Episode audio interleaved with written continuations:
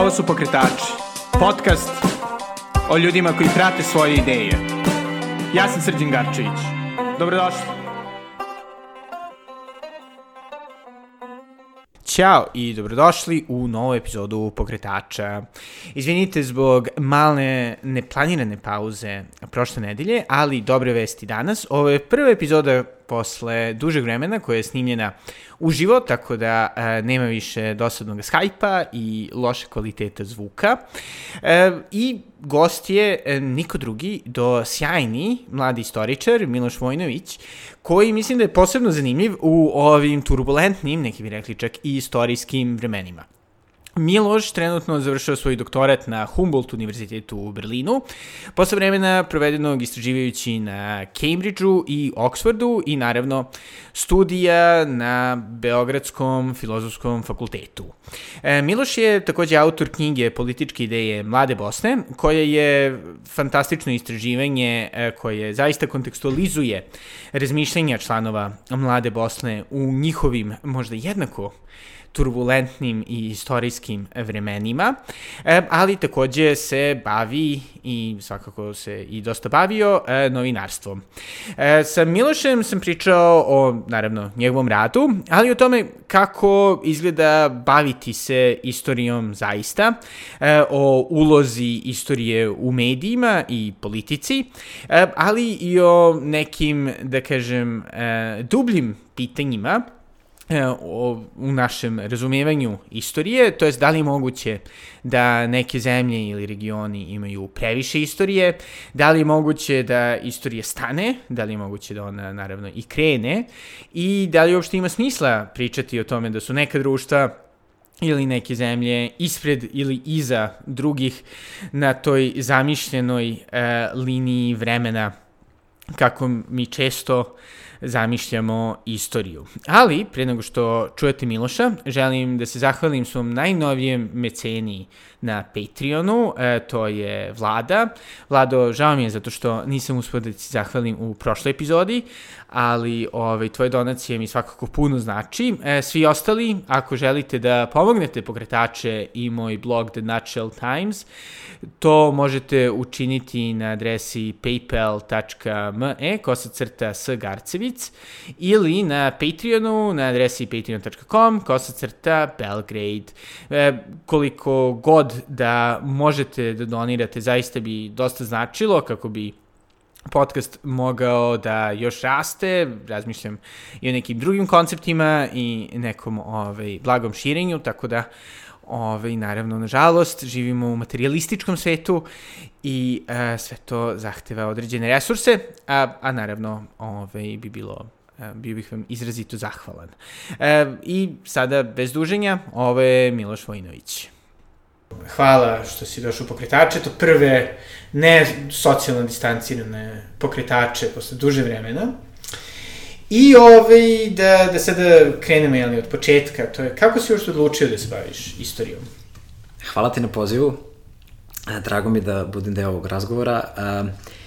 Pa mislim da je prvi razlog bio odrastanje u Srbiji 90. godina. Ja sam rođen 1989. godine, tako da sam mogao lično da svedočim nestajanje država, stvaranje država, a, priče o kartama, menjanje granica, priče o istoriji, koji je značaj istorije.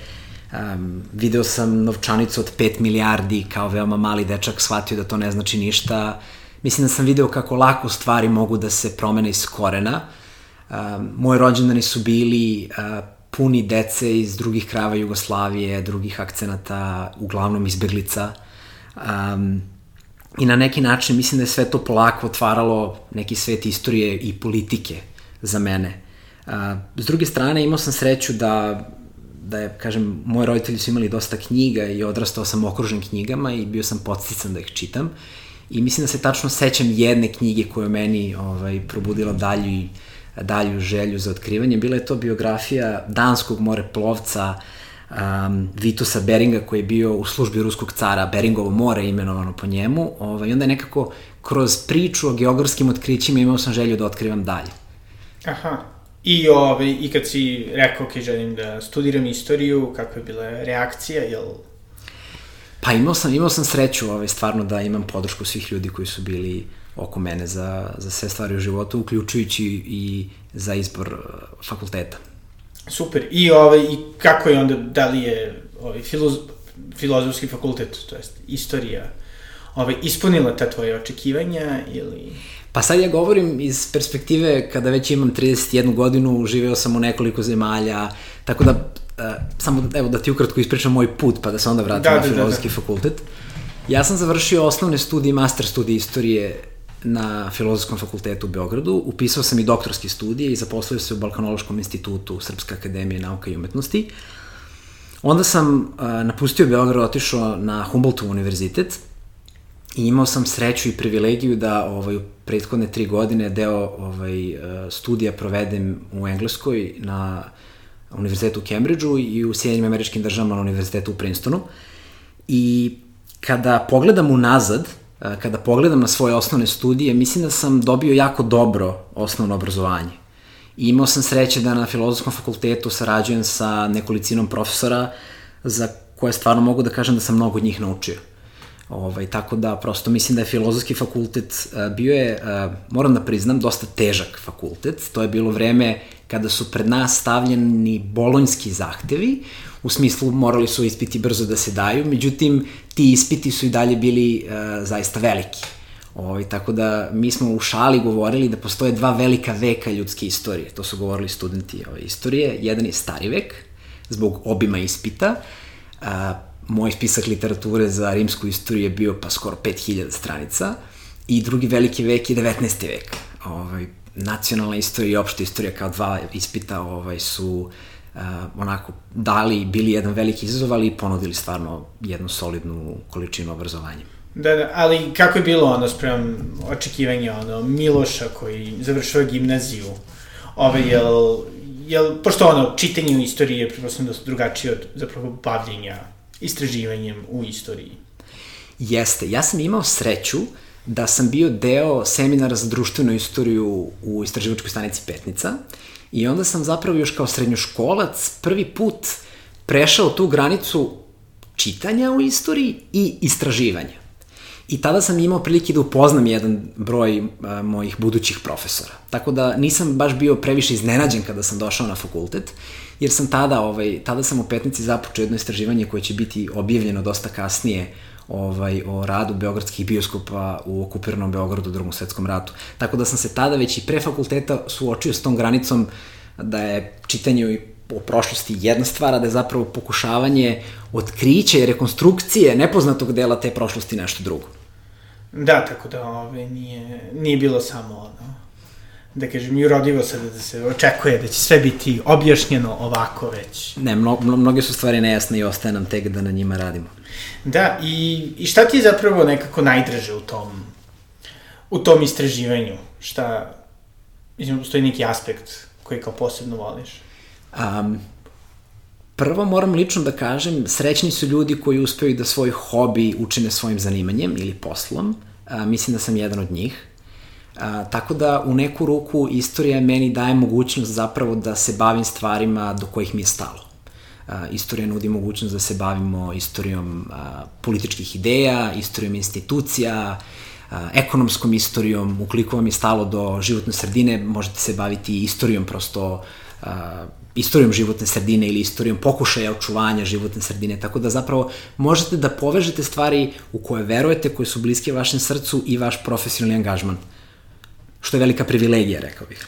Da, da. I sada, ovaj, pošto jeli, sada pričamo e, dok i dalje postoje veliki problemi u Sjedinim američkim državama uh, i svi sada jeli pričaju ovaj, o kraju istorije, to jest o kraju kraja istorije. Uh, kako, mislim, istoričari gledaju na to, obzirom da, da kao neko deluje da, da sada ponovo te neke stvari koje smo mislili da su ostavljene za nama veliki ratovi, velike konkurencije između svetskih sila, između ideologija e, i ovaj, uopšte jeli, sistema društva ovaj, nekako deluje da ponovo pomanjaju. Da li je ikada, da li ste zapravo istoričari ikada verovali u kao kraj istorije? Pa, e, Francis Fukuyama je verovatno jedan od malobrojnih ljudi koji je postao svetski poznat po na neki način grešci koji je napravio. Tako da ta njegova procena da zapravo imamo jedan kraj razvoja istorije krajem 20. veka je pa vrlo brzo, možda je to, možda je, možda je jednu deceniju ta teza bila neosporena ili barem neosporena od većine. Mislim da je zapravo jako često pristup istoriji bio pisan iz perspektive uverenja da istorija vodi ka nečemu. Često su hrišćanski uh, teolozi i mislioci verovali da istorija vodi drugom Hristovom dolasku, na neki način i Adam Smith video uh, konačnu evoluciju društva u, nečemu što je on zvao market society. Mislim da je najveći uticaj zapravo pre um, Fukuyame na jedan takav način posmatranja na istoriju doneo Marks, jer je Marks kada je pisao o nemačkom filozofu Feuerbachu rekao zapravo, zapravo da je istorija treba da se fokusira na progres. Dakle, progres je bio tema. Um, I to je ostavilo na neki način traga na, na, na pisanje istorije. Tako da e, istoričari su živi ljudi, nisu imuni na ideologije, nisu imuni na politiku, e, često se međusobno ne slažu. Možemo to primetiti u, među srpskim istoričarima, ne postoji konsenzus za, oko mnogih tema. Ovaj, tako da, jedan britanski književni kritičar je napisao, Stefan Kolini, jedan izuzetni istoričar i književni kritičar, napisao je uh, kao što ne postoji istorija bez teorije, u smislu um, svaka istorija koju pišemo ima neki svetonazor koji, na kome ta istorija počiva, tako ne postoji ni teorija bez istorije. Misleći zapravo sve te teorije koje, na, na osnovu kojih pišemo imaju neki način nastanka. I mi možemo videti zapravo kada govorimo o kraju istorije, to je jedan od tih načina zapravo posmatranja izuzetnosti jedne države ili jednog sistema za koji se verovalo da je konačni odgovor na a, konačni odgovor na pitanje kuda svet ide. Da, i bivši da si i samo, ovaj, jeli, uz bavljenje istorijom se bavio i novinarstvom, te, mislim, i dalje se zapravo baviš, ovaj, i gde si nekako, jeli, učestvovao samo u tom, ono, da, da, da pomodno kažemo, konstrukciji narativa i nekako si bio svestan kako to funkcioniše, ovaj, kako, kako si nalazio da, da tvoj ono, e, poznavanje ali, prošlosti utiče na tvoj novinarski rad i mislim obrnuto? Um, ja sam kroz novinarstvo, ovaj, ja nisam pisao toliko mnogo, možda si me sad previše pohvalio, Ovaj, ali svakako kroz novinarstvo ja sam pokušavao da radim možda dve različite stvari. Možda će se neko reći da one i nisu različite, ali ja mislim da donekle jesu. S jedne strane, trudim se da pišem o savremenim temama, o temama koje su meni lično važne i to možda čak ima više veze s tim, sa vrednostima koje su bliske mom srcu nego sa mojom profesijom. S druge strane, pokušavam da pišem kako bih pokazao da na neki način istorija nije nevažna. Kako bih pokazao da to nije prosto uh, zbirka činjenica iz prošlosti, koja je to prosto ništa više osim zanimljivost. Um, nekada istoričari i ja u promociji svog rada možda odemo predaleko pa kažemo istorija je jedna riznica mudrosti i samo ako poznajemo istoriju dovoljno dobro, onda ćemo zapravo sve neš, naše trenutne dileme i probleme uspešno rešiti. Ne idem tako daleko, međutim hoću da kažem, mislim da je situacija malo složenija od toga, ali mislim da je istorija važna I to pokušavam zapravo da na neki način prenesem, zato što mislim da nego je radoznalost, mislim da nego je želju za daljim istraživanjem, mislim da je proučavanje istorije nego je jedan zdrav skepticizam prema nekim jednostavnim objašnjenjima, otpor prema sloganima koji treba sve da objasne. U tom smislu možda je istorija više proces nego ishod. U smislu istorija bi trebalo da, ja, barem ja verujem, na neki način da nas pripremi da budemo kako bih rekao, intelektualno spremni da se suprotstavimo pojednostavljenim vizijama. Da, i, i kako onda gledaš na celu tezu kako Balkan i konkretno Srbije je kao previše istorije, da li možda ta uh, količina istorije čak možda i prednost za naš kritički osvrt prema svetu? Hmm. Previše istorije. Um, postoji u navigaciji nešto što se naziva pol nedostupnosti. to je tačka koja prema zadatim kriterijumima predstavlja mesto do kog je najteže doći. I onda postoji pomorski pol nedostupnosti. To je tačka koja je najudaljenija od kopna. Um, ona se nalazi, zove se tačka Nemo i nalazi se negde između Novog Zelanda i Južne Amerike. I možda da je neko smestio Srbiju tu, ovaj, možda bismo imali malo manje istorije, ali s obzirom da se nalazimo ovaj, tu gde se nalazimo, to je bilo malo teže. A, u većem delu moderne istorije Srbi se nalaze između carstava, najvećim delom između Osmanskog i Austrijskog carstva. A, ta carstva su svaka u određenom trenutku bile najmoćnije svetske sile. A, ratovali su međusobno a, skoro tri veka, izuzetno intenzivno. A, I u oba, a, i oba carstva su smatrala, odnosno u oba carstva je religija bila gotovo stup vlasti. Govorilo se da nema bolje katoličkog carstva od Austrije i Osmansko carstvo prosto kontroliše Meku i Medinu, sultan je i prosto zauzima posebno mesto u islamskom svetu, a Srbi su se, ili većinski deo srpskog naroda je u oba carstva bio ne samo etnička, već i verska manjina. Ovaj, I na neki način njihov položaj je bio e, dosta komplikovan i složen, da ne kažem težak. A, ono što je zanimljivo, ratovi između Austrije i Osmanskog carstva konkretno prestaju onoga trenutka kada balkanski narodi polako počinju sebe da postavljaju na um, pozornicu evropske istorije. Dakle, veoma malo vremena protiče od poslednjeg Austro-Osmanskog rata do prvog srpskog ustanka. Um, ako, eto, ako mi dozvoliš da skočim do, do 20. veka, ako pogledamo Kraljevinu Jugoslaviju, um, prosto tu državu tokom čitavog njenog postojanja pokušava da sruši Mussolinijeva Italija, Hortijeva Mađarska, um, ustaška emigracija i ustaša u zemlji, Albanci žele da pripoje veliki deo te države Albaniji, Sovjetski savet zvanično radi na rušenju Jugoslavije kao i komunistička partija Jugoslavije sve do 1935. godine i na kraju će tu državu srušiti ovaj, Hitlerova Nemačka koja je prosto pregazala jednu Francusku za pet nedelja. Ovaj, tako da zapravo pitanje na neki način ko je pasivni, a ko je aktivni učesnik u toj, uh, u toj proizvodnji istorije. Ja nekako um, imam utisak zapravo da ta na neki način, često je uh, ta uh, intenzivna proizvodnja istorije koja nam se pripisuje dolazi od onih koji, rekao bih, imaju određenu vrstu interesa u jugoistočnoj Evropi ili na Balkanu.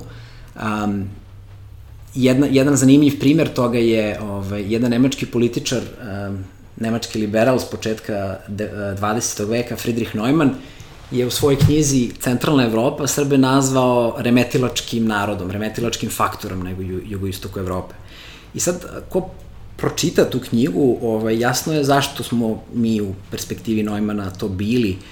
Prosto, Neumann je želeo da vidi istočnu i jugoistočnu Evropu neki, u nekoj vrsti privredne počinjenosti ekonomiji Nemačkog rajha i prosto otpor Austro-Ugrskoj Nemačkoj u tom smislu tako, ovaj, tako izgledao. Tako da prosto, um, kako bih rekao, ovaj, um, imam utisak da nisam siguran da teza o prevelikoj proizvodnji istorije vodi ka... Ne mislim da je to neki dobar analitički aparat koji može bilo šta da nam, da nam objasni. Da, da. Pogotovo zašto izgleda smo je ovaj, uvozili, u svom slučaju smo imali pomoć Ima, sa strane. Imali smo, da. imali smo svakako pomoć. Ovaj, um, jednom sam u razgovoru, jednom jako zanimljivom razgovoru shvatio da razgovarali smo o proizvodnji na neki način, no, da, li, da li naš region ima previše istorije, ne.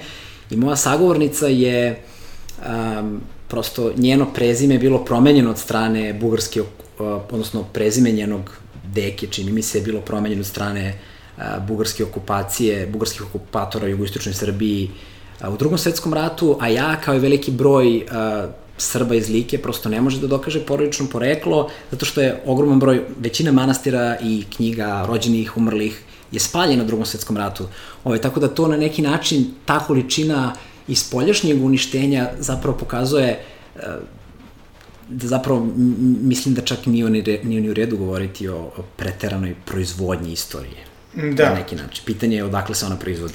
Da, da, da, da. I, ove, ovaj, i čisto me interesuje ono, u tom proučavanju istorije koja je, jeli, pogotovo, mislim, nacionalna je dosta vezana i sa određenim trenutnim svetonazorima, Ove, jel postojala neka stvar koja te posebno iznenadila ili koja ti je posebno promenila mišljenje?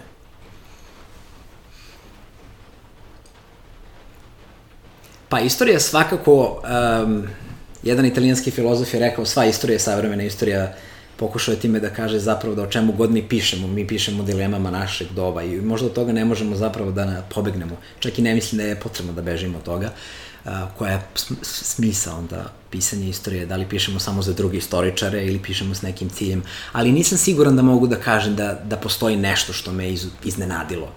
Ovaj, nešto što bih izdvojio. Da, da. Ali ako možda ne baš iz istorije, onda iz tvoga bavljenja istorije, mislim, bio si na Cambridgeu, bio si ovaj, na Princetonu, sad si na Humboldtu u Berlinu. Ovaj, jel te možda ta promena ovaj, atmosfere u tim različitim zemljama isto malo poljuljala određene poglede na, na istoriju ili možda Um,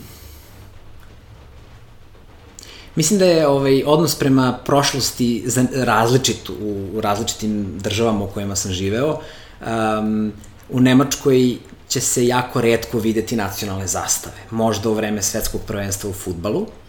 Ovaj, onda ako se preselite ovaj, u Veliku Britaniju, vidjet ćete jedan potpuno drugačiji odnos prema prošlosti. Opet, rekao bih, u, u skladu sa jednim, um, u skladu sa britanskim humorom, uh, često um, taj odnos prema prošlosti je i, i pun neke spremnosti na šalu, na sobstveni račun, ovaj, što ne znači da ta prošlost se ne poštoje. Evo, dao bih jedan primer. Pre nekoliko godina, možda pre deset godina, je otvoren muzej armije uh, u Londonu i kada uđete u taj muzej, uh, stoji jedna um, rečenica Vojvode Wellingtona koja kaže tipičan britanski vojnik je sileđija pljačkaš uh, i nije mogao da nađe bilo kakvo drugo uhlebljenje od toga da nosi pušku. Međutim, vi kada prođete kroz taj muzej, um, ipak osetite da je neka ciljena emocija zapravo uh, celokupne postavke jedan, jedna teskoba i težina vojničkog poziva, činjenica da su mnogi ljudi dali svoj život za tu zemlju i tu vidite jedan odnos, kako bih rekao, spremnost na šalu, spremnost na uh, neskrivanju činjenice da prosto vojska možda privlači određen karakter ljudi ili da daje prilike ljudima da se ponašaju na određeni način, ali opet jedan sveobuhvatni, sve prisutni patriotizam. Um, u Sjedinim američkim državama takođe bio sam u, u Pensilvaniji na jednom um, um, tradicionalno svake godine se obeležava uh, prelazak reke Delaware. Na početku američke revolucije George Washington i njegovi vojnici su bili dosta loši, lošem položaju. Onda su odlučili da pokušaju jedan veoma sulud manevar, da pređu reku Delaware i da napadnu Britance s leđa. Postoje čuvene slike tog prelaska zaleđenog Delavera i baš nedaleko od Princetona su Britanci potučeni. To je bila presudna bitka ranog dela američke revolucije zato što su tada mnogi videli da zapravo Amerikanci mogu, odnosno kolonisti mogu da pobede crvene mundire i tada su počeli da pristižu dobrovoljce sa svih strana. U Princetonu sam živeo u uh, ulici Mercer, koja je data po američkom oficiru koji je poginuo uh, ulica imenovana po američkom oficiru koji je poginuo u bici za Princeton, tako da ta neka vrsta ovaj, obeležavanja tradicije svakako je uh, prisutna i u Britaniji i u Sjedinim američkim državama, na jedan način na koji nije u Nemačkoj, prosto zbog Amer nemačke istorije 20. veka, kada je ona taj odnos prema prošlosti je prosto dosta pažljiviji. Da, da. A što se tiče jeli, samih institucija, zapravo koliko se to razlikuje, a, mislim, pristup izučavanju istorije i uopšte određene, mislim, ili recimo, konkretno u Srbiji deluje da su istoričari dosta baš prisutni u određenim istorijskim, u, u određenim političkim debatama trenutno, dok mi nekako deluje, makar iz moga limitiranog iskustva, u Britaniji su oni prisutni, međutim, nekako dosta manje direktno, dok opet ovaj, u Americi mi deluje da to baš i nije toliko. Pa složio bih se sa tobom. Mislim, nemam, nemam, da kažem, precizne podatke o tome koliko baš učestvuju, ali mislim da bih rekao da se možda češće može videti istoričar na televiziji uh, u nekoj vrsti političke emisije u Srbiji nego u Nemačkoj. Uh, međutim, daleko toga da istorija nije prisutna. Ovaj, um, I mislim da ovaj, slažem se i u Britaniji, ovaj, možda je toga, toga manje nego ovde kod nas. Da, ali kako, kako to uopšte se reflektuje na, na rad, konkretno akademskih historičara, jel si primetio neke razlike? Pa mislim da su razlike više, uh, da veće razlike postoje prosto u nekom, u nekom duhu nacionalne tradicije, u smislu uh, nemački istoričari će pisati mnogo duže i komplikovanije rečenice od britanskih. Možda, možda su tu zapravo Nemci bliži Francuzima i ostatku kontinentalne Evrope od Amerikanaca i Britanaca gde se veća pažnja pridaje uh, kratkoj misli, jasnoći. Mislim da, je, da su razlike, barem one koje sam ja primetio, veće u tom smislu nego u smislu konkretno angažmana ovaj, um, Da.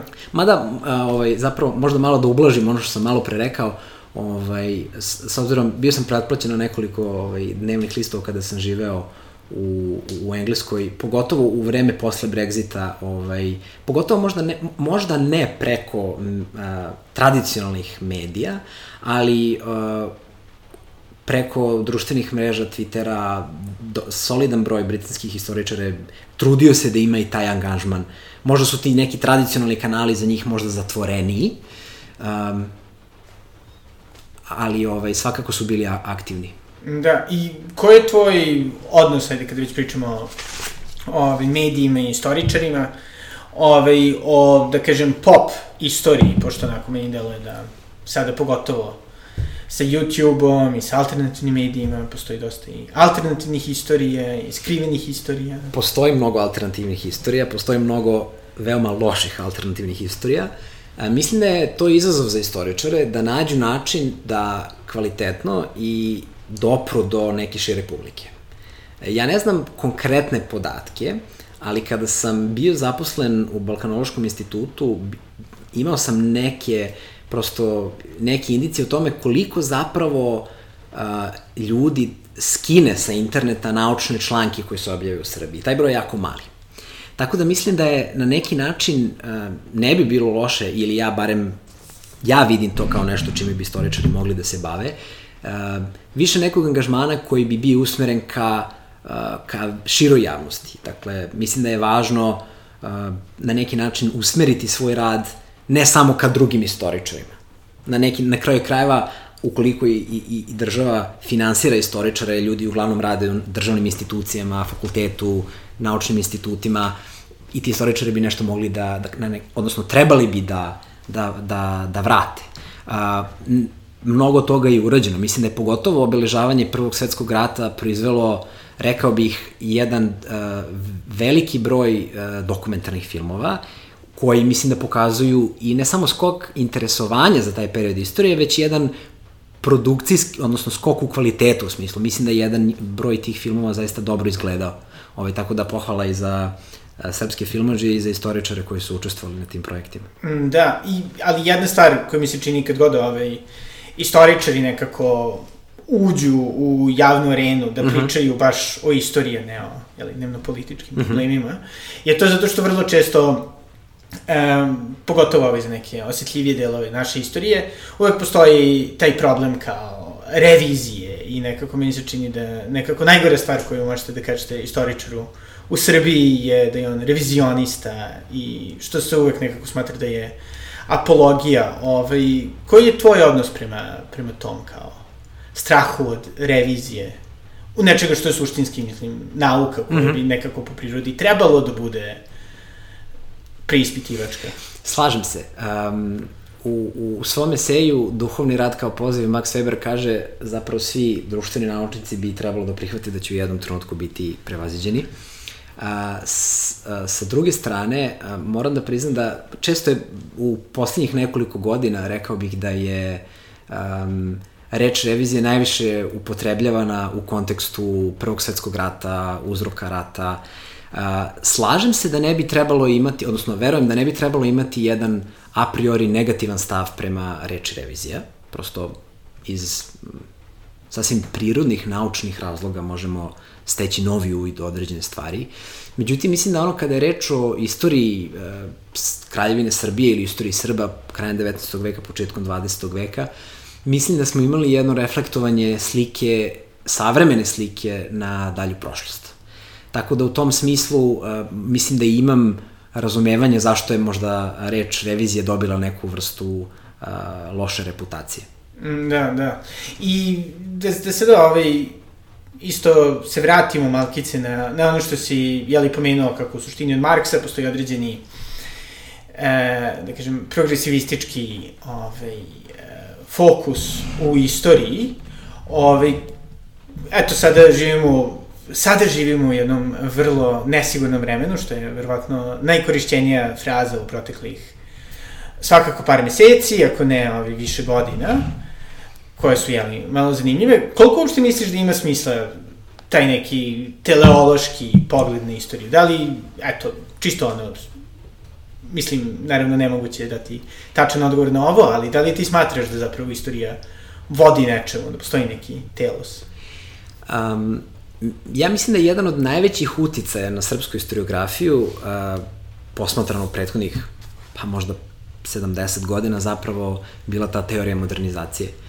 Um, ona ima, dakle, ona je počivala u suštini s jedne strane na tom marksističkom fokusu na progres, a sa druge strane uh, pre svega na ono što se nazivalo nova levica 60. godina uh, i ta teorija modernizacije jako je zanimljivo zapravo jedna od najvažnijih knjiga za nastanak cele te teorije modernizacije, knjiga Nekomunistički manifest uh, Valta Rostova, koji je bio, recimo, u vreme pisanja te knjige zamenik savjetnika za nacionalnu bezbednost uh, u Kennedyjevoj administraciji.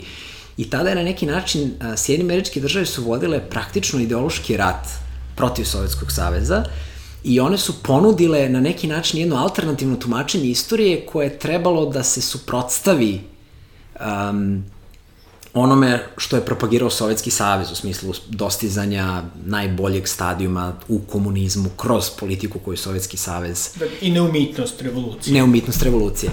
I, I zapravo čini mi se da je uticaj kroz nekoliko jugoslovenskih historičara na to, na posmatranje pre svega 19. srpske istorije bio jako veliki.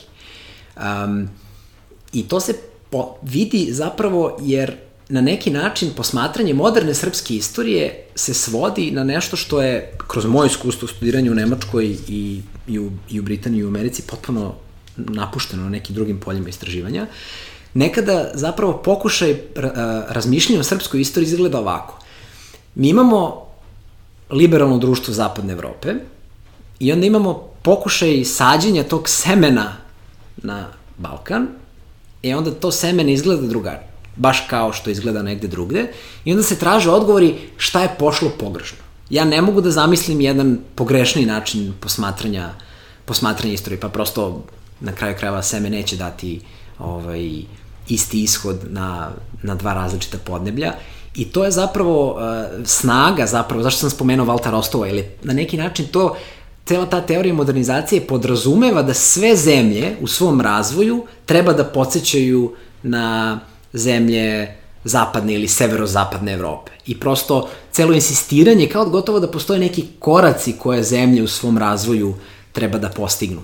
Ovaj, tako da na neki način mislim da i dalje osjećamo posledice zapravo takvog pristupa srpskoj istoriji 19. veka. Mm, da, i, i iskreno da budem, mislim, i šire uopšte, ono, i recimo i u normalnoj ovoj političkoj debati se koriste termini kao što mi smo iza njih x godina ili mi još nismo, ne znam, se izašli iz 1389. ili ubaci koju god ovaj, godinu želiš, iako fundamentalno, mislim, svi obitavamo u istom veku i samo smo ovaj, drugačiji. Da, ali kako, ali čini mi se da nekako ono, taj narativni pristup istoriji je onako dosta zanimljiv ljudima da čisto nekako konceptualizuju svoje mesto ovaj, uopšte ono, celom svetu, da u smislu mogu da se nadaju da će njihova deca sigurno ovako ili onako živeti bolje nego oni, da su oni ipak nekako napredniji od sobstvenih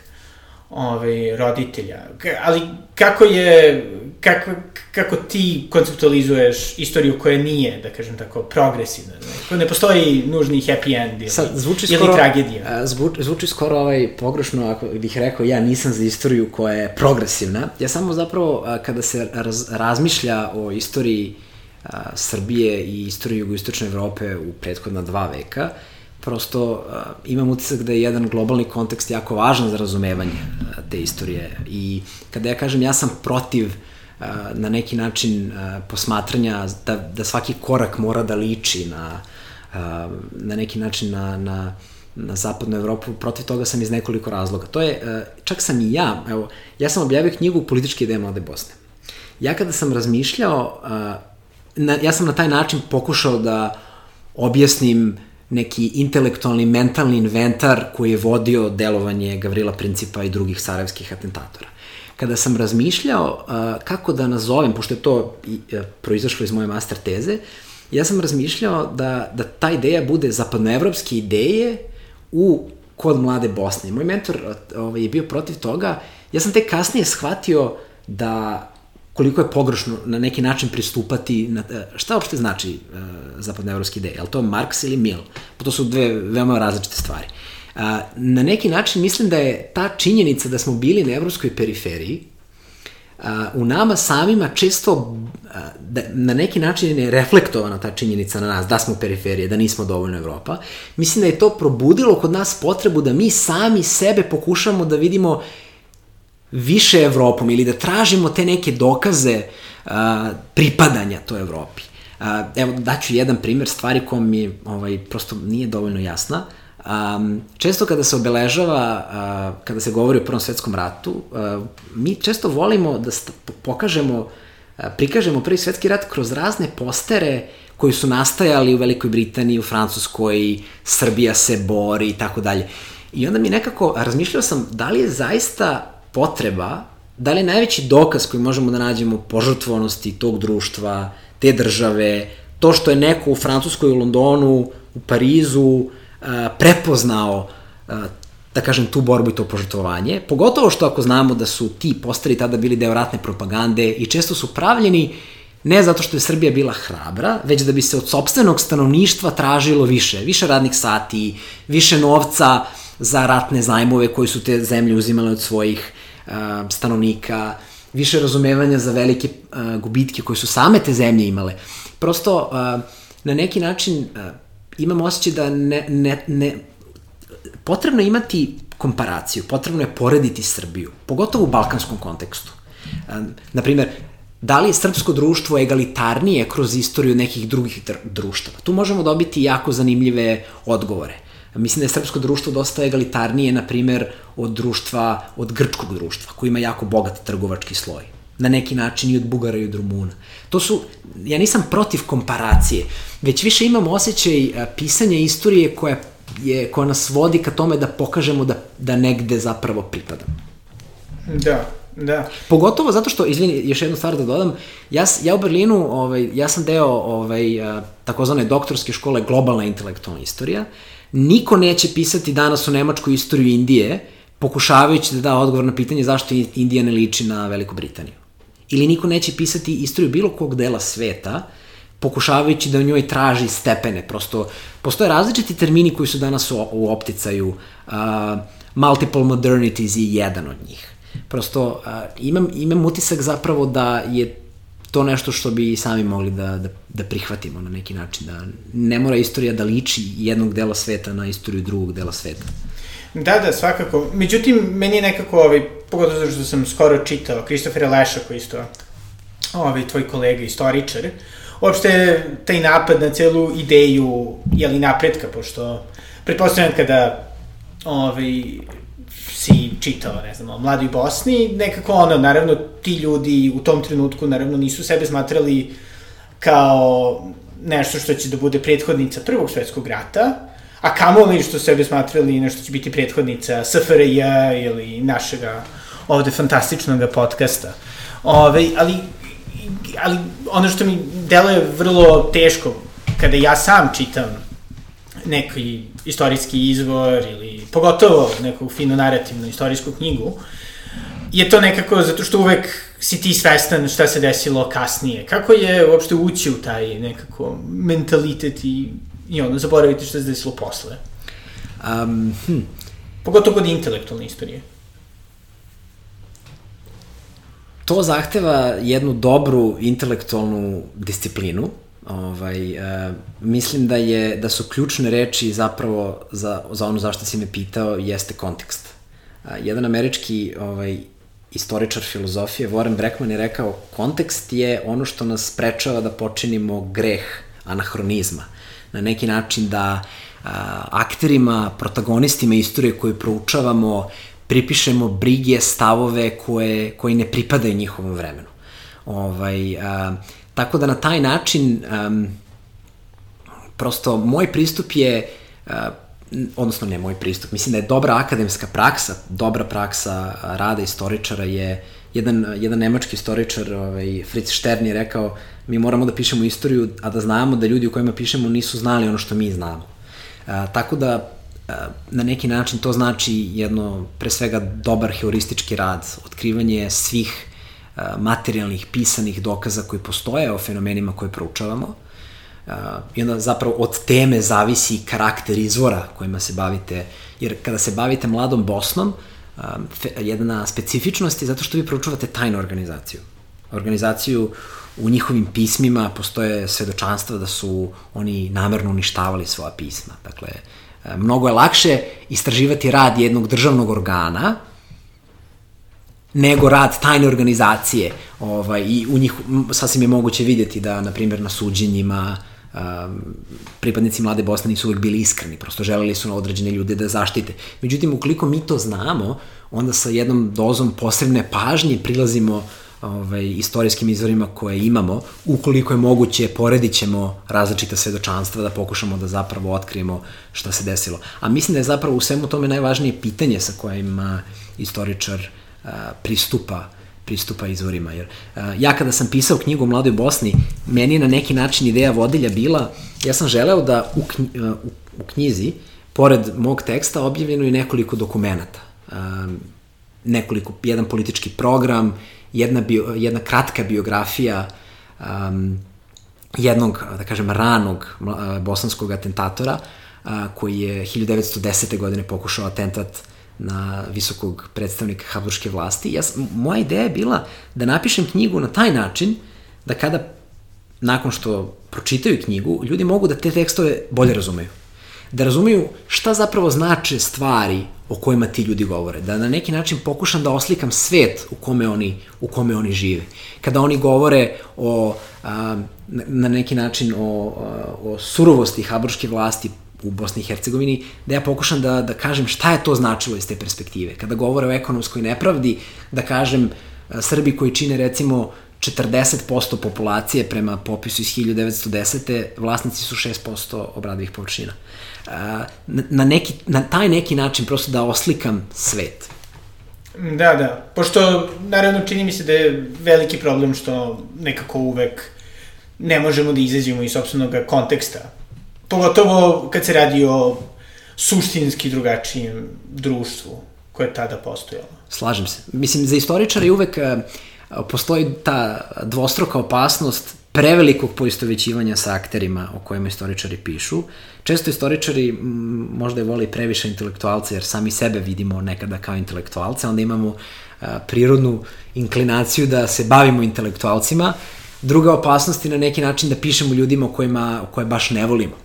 A, tako da onda i tu treba imati ovaj, obzira na neki način da ta naša emocija ne savlada naš zdrav razum i prosuđivanje. Da, da. Sada da se jeli vratimo u ovaj, Srbiju i svet 2020. godine.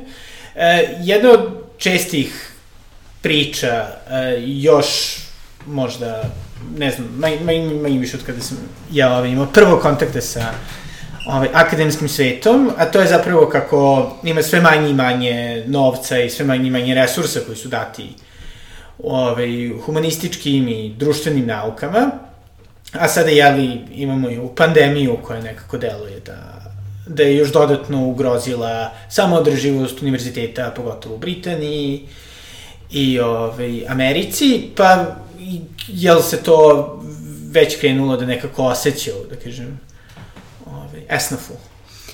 Um, nisam siguran kako će biti u narednim mesecima. A, mislim da će verovatno bolje proći istoričari u Nemačkoj nego u Velikoj Britaniji, imajući obzir uopšte odnos Nemačke prema društvu. Mislim da je to mnogo više država srednje klase u odnosu na Veliku Britaniju.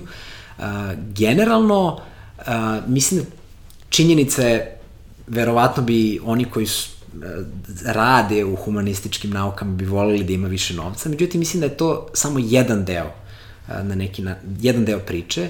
Mislim da je drugi deo priče što u prethodnih 10 do 15 godina imamo mnogo više uh, studenta, mnogo više ljudi koji odlaze na doktorske studije. Tako da, uh, mislim da je uh, nekada možda bilo lakše uh, naći stalan posao i između ostalog zašto je manje ljudi odlazilo na doktorske studije. Uh, danas su, Nemačka je prva zemlja u svetu po broju doktora nauka po glavi stanovnika. Uh, ima dosta radnih mesta, međutim um, ima i mnogo, mnogo kandidata. Prosto i iz mog iskustva i sa engleskom i sa uh, nemačkom, kada konkurišete na neko postdoc mesto, to su često stotine prijeva, ovaj, tako da je zapravo zaista je teško na neki način naći stalan posao u nauci. To podrazumeva upornost, talenat, uporan rad, a jako često mislim i neke spoljašnju finansijsku podršku, prosto da se održi ta, na neki način da vi ostanete u nauci, čak i ako u nekom trenutku nemate, nemate poziciju. Prosto mnogi ljudi su pogotovo u Velikoj Britaniji primorani da jedan period budu bez, bez završe doktorske studije, pa onda budu bez primanja, pa dok ne pokušaju da nađu neko drugo mesto ovaj, uh, ali deluje mi da vidit ćemo kako će biti, ne znam, ali moguće da bude, da će biti uh, manje finansiranje za humanističke nauke nego što je bilo sada. Da, nažalost. I ovaj, da, i, ali ko zna možda bude i manje ovaj, konkurenata. Na, nadam se da ne. Da, ali sada, ovaj, kako se jeli, približavamo kraju, čisto mi interesuje, ovaj, jel postoje određeni resursi koje bi savjetovao slušalcima da, da konsultuju, to jest, normalnim jezikom rečeno, da postoje određene knjige koje misliš da bi svako trebalo da pročita iz istorije. Ili u krenom slučaju koje su tebi bile posebno drage. Hmm. Um, hmm. Mislim da je knjiga koja me možda in, um, definitivno krenula istoriji, uh, zapravo, odnosno odluci da studiram istoriju, bila uh, biografija Napoleona Bonaparte koju je napisao ovaj, sovjetski istoričar Alfred Zaharović Manfred. To je jedna zaista briljantno napisana studija koja ima jednu pravu meru anegdote, priče, analize i a, istorijskih činjenica. A, mislim da sam je stvarno pročitao 5-6 puta. Ovaj, trotom, trotomna je knjiga, ali zaista se čita jako lako. Ovaj, siguran sam da će stručnici za taj period istorije i za Francusku reći postoji mnogo više boljih biografija, ovaj, ali ova je zaista izuzetna, objavljena je u Beogradu recimo 60. godina. Um, kada sam Već sam se ovde, ovaj, jednom prilikom ovde poželio na to kako je bilo teško položiti ispit rimska istorija na filozofskom fakultetu, međutim to me izložilo i nekim divnim stvarima koje sam pročitao. Um, Ciceron je, jedan od uh, poznatijih Ciceronovih govora je uh, beseda za Milona. Uh, I taj, taj tekst je preveo profesor klasičnih nauka Vojne Deljković, a profesor rimske istorije Žarko, Petrović, Žarko Petković je napisao jedan uh, propratni tekst o tome. To je jedna mala knjižica u izdanju izdavačke knjižarnice Zorana Stojanovića. To je nešto najbolje što sam pročitao o antičkoj istoriji. A, to je jedan Rim ne mermera, ne, um, ne jednog učtivog sveta, nego zaista Rim uličnih bandi i borbe za moć u poslednjim godinama Rimske republike. A, I zbog samog kvaliteta citiranog teksta i zbog generalno teksta koji objašnjava zapravo kontekst toga, to bih takođe zaista preporučio svima da pročitaju. I možda treća stvar,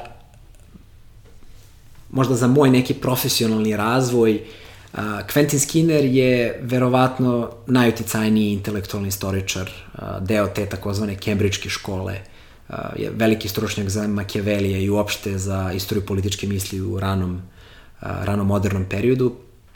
Stvarno jedan briljantan mislilac koga sam imao zadovoljstvo da upoznam i da ovaj, da se malo i družim sa njim.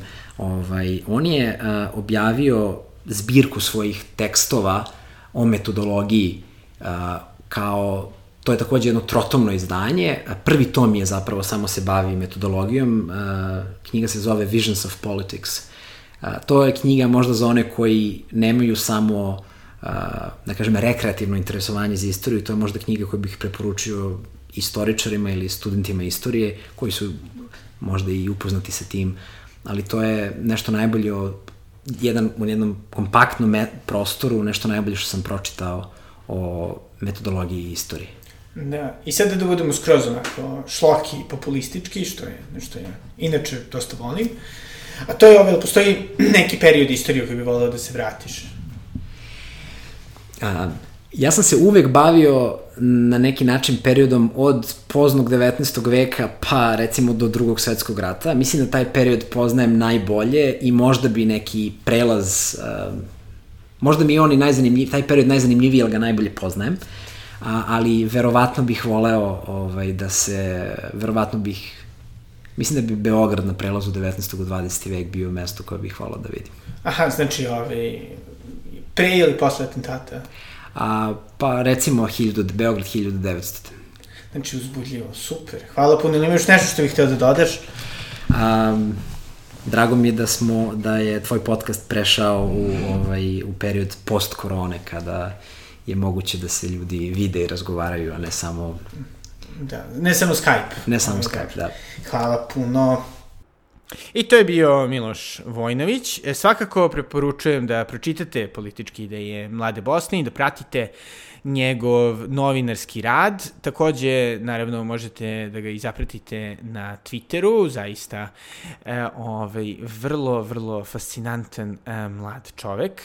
E, kao i uvek, hvala vam puno što ste slušali, što delite pokretače, što upućujete reči podrške a naravno i donirate. Ukoliko želite da podržite, kao što rekao hranije, to možete učiniti na adresi paypal.me kosacrta sagarcevic i patreon.com kosacrta belgrade. To je to za ovu nedelju i do sledećeg slušanja. Doviđenja.